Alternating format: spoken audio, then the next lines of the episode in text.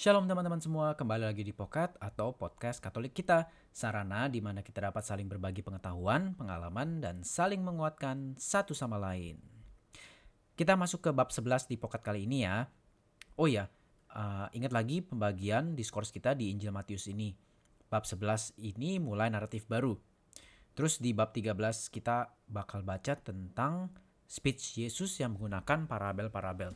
Kalau kalian ngeh ya, sampai sekarang ini Yesus ngajar itu belum pakai parabel sama sekali. Kenapa begitu? Um, ini pertanyaan buat nanti-nanti deh jawabnya ya. Um, kita mulai dulu aja sekarang di bab 11 ini. Nah, ada hal yang menarik yang aku mau share ke teman-teman di ayat-ayat di uh, awal bab ini, yaitu yang berhubungan dengan ayat 3. Lalu menyuruh murid-muridnya bertanya kepadanya, Engkaukah yang akan datang itu atau haruskah kami menantikan orang lain? Jadi ini um, murid-muridnya John the Baptist ya yang apa namanya nanyain uh, disuruh tanya ke Yesus kalau uh, engkaukah yang akan datang itu atau haruskah kami menantikan orang lain gitu. Um, soalnya John the Baptist kan di penjara tuh. Di dalam penjara John juga sempat dengar apa yang Yesus sudah lakuin di luar sana. Jadi dia suruh muridnya ke Yesus dan nanya gitu. Sekarang jadi pertanyaan, lah, bukannya John waktu baptisan Yesus sudah bilang kalau dia itu Lamb of God? Kenapa sekarang dia malah suruh muridnya nanya lagi? Ada dua penjelasan yang aku mau share di sini. Yang pertama itu dari um, Saint John Paul II yang bilang ini tuh contoh dari humility dari si John the Baptist. Ini contoh apa yang namanya fide quaerens intellectum atau faith seeking understanding. Kayak motonya Saint Anselm ya. Jadi John tahu kalau Yesus itu orang yang datang dari Tuhan dan dengan kerendahan hatinya dia nanya langsung ke Yesus. Jadi nggak diem-diem cari tahu gitu. Gosip sana gosip sini. Eh bener nggak sih itu dia itu si Mesias dan lain-lain. Sama juga buat kita ya. Ketika kita ada keraguan dalam iman kita, kita pertama-tama datang langsung ke Yesus sendiri. Tuhan itu kan selalu dengar doa kita. Kalau kita dengan tulus mau kenal dia, 100% aku yakin seyakin-yakinnya dia itu akan ngenalin dirinya ke kita. Dia itu bakal reveal dirinya ke kita. Kalau kita benar-benar mau kenal sama dia, dia akan kenalin dirinya ke kita gitu. Itu penjelasan pertama. Penjelasan yang satu lagi dari Saint Thomas Aquinas yang bilang kalau John mungkin khawatir murid-muridnya itu nggak percaya sama Yesus. Makanya mereka disuruh pergi ke Yesus dan nanya langsung sekarang kita lihat apa jawaban Yesus. Di, di ayat 4, 5, dan 6 aku bacain. Yesus menjawab mereka, Pergilah dan katakanlah kepada Yohanes apa yang kamu dengar dan kamu lihat. Orang buta melihat, orang lumpuh berjalan, orang kusta menjadi tahir, orang tuli mendengar, orang mati dibangkitkan dan kepada orang miskin diberitakan kabar baik. Dan berbahagialah orang yang tidak menjadi kecewa dan menolak aku kita yang dengar ini mungkin nggak bisa ngerti dan relate langsung ya. Tapi buat murid-murid John the Baptist atau buat John sendiri yang pastinya fasih akan scripture Old Testament perjanjian lama bakal bisa langsung relate ke Nabi Yesaya. Karena Yesus di sini combine ayat-ayat dari Yesaya 35 dan Yesaya 61. Kenapa? Karena di Yesaya 35 dan 61 itu orang-orang zaman itu tahu kayak uh, job descriptionnya Mesias. Jadi di di di di 35 dan uh, ya saya 35 dan 61 itu isinya adalah job description dari Mesias. Kayak uh, ditulis juga Mesias itu yang akan bikin orang buta bisa lihat, orang lumpuh bisa jalan dan dan seterusnya. Dan Yesus benar-benar menuhin semua yang ditulis di Yesaya itu. Jadi Yesus tuh kayak ngasih coded message gitu ya um, sebagai jawaban pertanyaan murid-murid John. Dia emang nggak straightforward bilang yes or no, tapi sebenarnya jawaban Yesus itu udah langsung bikin mereka di zaman itu, di konteks itu ngerti Yesus itu ngomongin apa. Dan Yesus sendiri pasti tahu kalau John itu pasti ngerti akan jawaban dia karena John tahu um, isi kitab Yesaya, ya kan? Jadi gitu deh, menarik banget kan teman-teman? Um, kalau misalnya kita nggak relate ini ke perjanjian lama mungkin kita bingung kayak ini apaan sih gitu kayak mungkin uh, sering kali kita baca ayat-ayat dan itu jadi cuma jadi angin lalu aja gitu kan.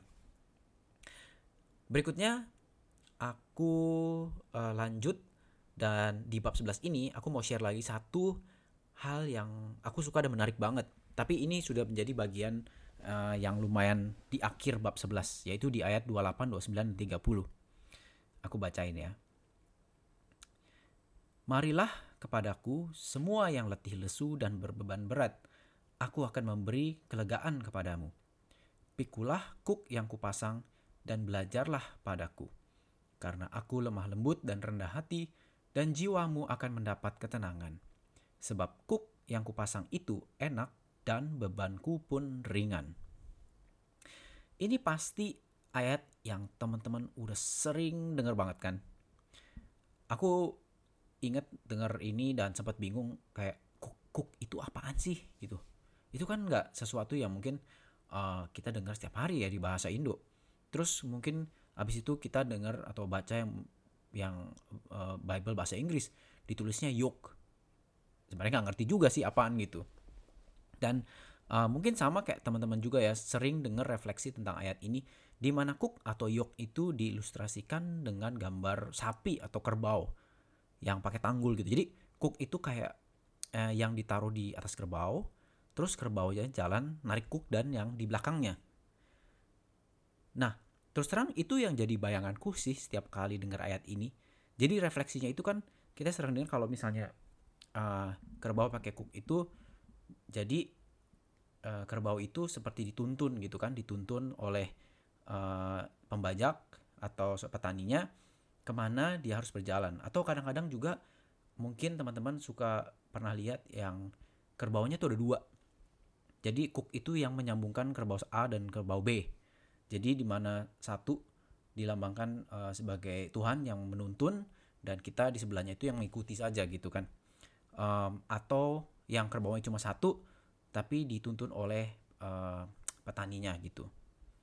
Jadi kayak gitu refleksinya ya ya uh, Tuhan menuntun kita um, kita kasih semua yang kita punya keresahan kita kegagalan kita semuanya itu kita kasih ke Yesus biar dia yang menuntun jalan kita gitu kan. Um, jadi kurang lebih kayak gitu sih yang sering aku dengar dan itu itu lumayan lumayan uh, sering lah ya kita dengar kalau kita um, baca Matius 11 28 sampai 30 ini dan aku yakin teman-teman pasti familiar lah dengan kalimat ini, dengan ayat ini. Nah, di pokat ini aku mau share sedikit lebih dalam apa yang dimaksudkan dengan cook. Tentu saja balik lagi kita harus lihat ini dalam konteks cerita bangsa Israel. Ingat ya, kisah Yesus itu selalu intertwine sama cerita bangsa Israel. Kita harus lihat lagi ke perjanjian lama untuk kadang-kadang ngerti apa yang Tuhan Yesus omongin atau apa yang dia maksud gitu atau yoke atau tanggungan itu refer dalam konteks perjanjian lama adalah ke penyerahan diri ke sebuah kerajaan. Submissions to a kingdom atau a kingship. Jadi kayak um, sebagai rakyat itu kita submit ke raja dalam sebuah kerajaan. Nah untuk lebih jelasnya mungkin aku ceritain sedikit dulu um, backgroundnya ya. Kita mulai dari kitab 1 Raja-Raja bab 12. Kalau teman-teman ingat, aku sempat mention sebelum-sebelumnya itu tentang 10 suku Israel yang hilang, ya kan? Yang terpisah dari dua yang lain. Di satu raja-raja ini kita lihat uh, kejadiannya. Jadi ada orang namanya uh, Rehoboam atau di kalau di bahasa Indo Rehabeam, ini tuh anaknya Salomo. Jadi setelah Salomo mati, dia uh, akan dinobatkan sebagai raja di Sikem. Terus uh, ngumpulin bangsa-bangsa Israel lah suku-suku Israel gitu. Di sisi yang lain ada seseorang namanya Yerobo Yeroboam. Dari bahasa Indonesia jadi Yerobeam. Dia ini yang kabur ke Mesir waktu zaman Salomo masih jadi raja. Ini rada ngebingungin mungkin dan ketuker-tuker memang namanya. Jadi uh, ingat aja satu Rehoboam anak Salomo yang satu lagi Yeroboam Boam yang kabur ke Mesir dan akan menjadi pemimpin 10 suku Israel yang uh, so called the the lost tribes ya. Nah, backgroundnya itu. 10 suku Israel atau the Northern Kingdom of Israel itu waktu zaman Salomo itu kena banyak tanggungannya atau oppress gitu loh. Mereka itu menderita lah. Nah, 10 suku ini manggil si Yeroboam untuk bilang ke Rehoboam gini di ayat 4. Aku ganti ke Inggris. Your father laid a cruel yoke on us. If you will lighten your father's cruel slavery, that heavy yoke which he imposed on us, we are willing to serve you. Jadi, sepuluh suku Israel itu mau minta ke calon raja si Rehoboam supaya diringankan tanggungannya. Kalau dia ringanin hal itu, mereka bakal mau support si calon raja gitu. Gampangnya gitulah. Nah, setelah Rehoboam dengar itu, dia konsultasi lah sama petua-petua yang dulunya nasehatin ayahnya si Salomo. Mereka bilang, jika hari ini engkau mau menjadi hamba rakyat, mau mengabdi kepada mereka dan menjawab mereka dengan kata-kata yang baik, maka mereka menjadi hambamu sepanjang waktu. Jadi sebenarnya si Rehoboam ini dinasehatin untuk baikin 10 suku Israel inilah. Tapi apa yang dia lakuin? Dia malah minta nasehat ke orang-orang muda sebaya dengan dia. Dan malah dinasehatin untuk lebih kejam lagi daripada Salomo ayahnya. Jadi dia mengabaikan uh, nasihat dari si petua-petua itu, dia malah ngikutin nasihat dari orang-orang sebaya dia gitu. Mungkin teman-teman minumnya lah gitu. Jadi Rehoboam tuh bilang gini, Ayahku telah membebankan kepada kamu tanggungan yang berat, tapi aku akan menambah tanggungan kamu. Ayahku telah menghajar kamu dengan cambuk, tetapi aku akan menghajar kamu dengan cambuk yang berduri besi. Jadi kalau di bahasa Indo di Indonya kita uh, bilangnya tanggungan, kalau di bahasa Inggris menjadi yoke ya.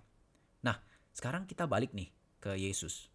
Rehoboam itu kepada 10 suku Israel yang mohon keringanan malah ngasih kuk yang lebih berat. Tapi di sini Yesus mau bilang kalau dia itu adalah the true king.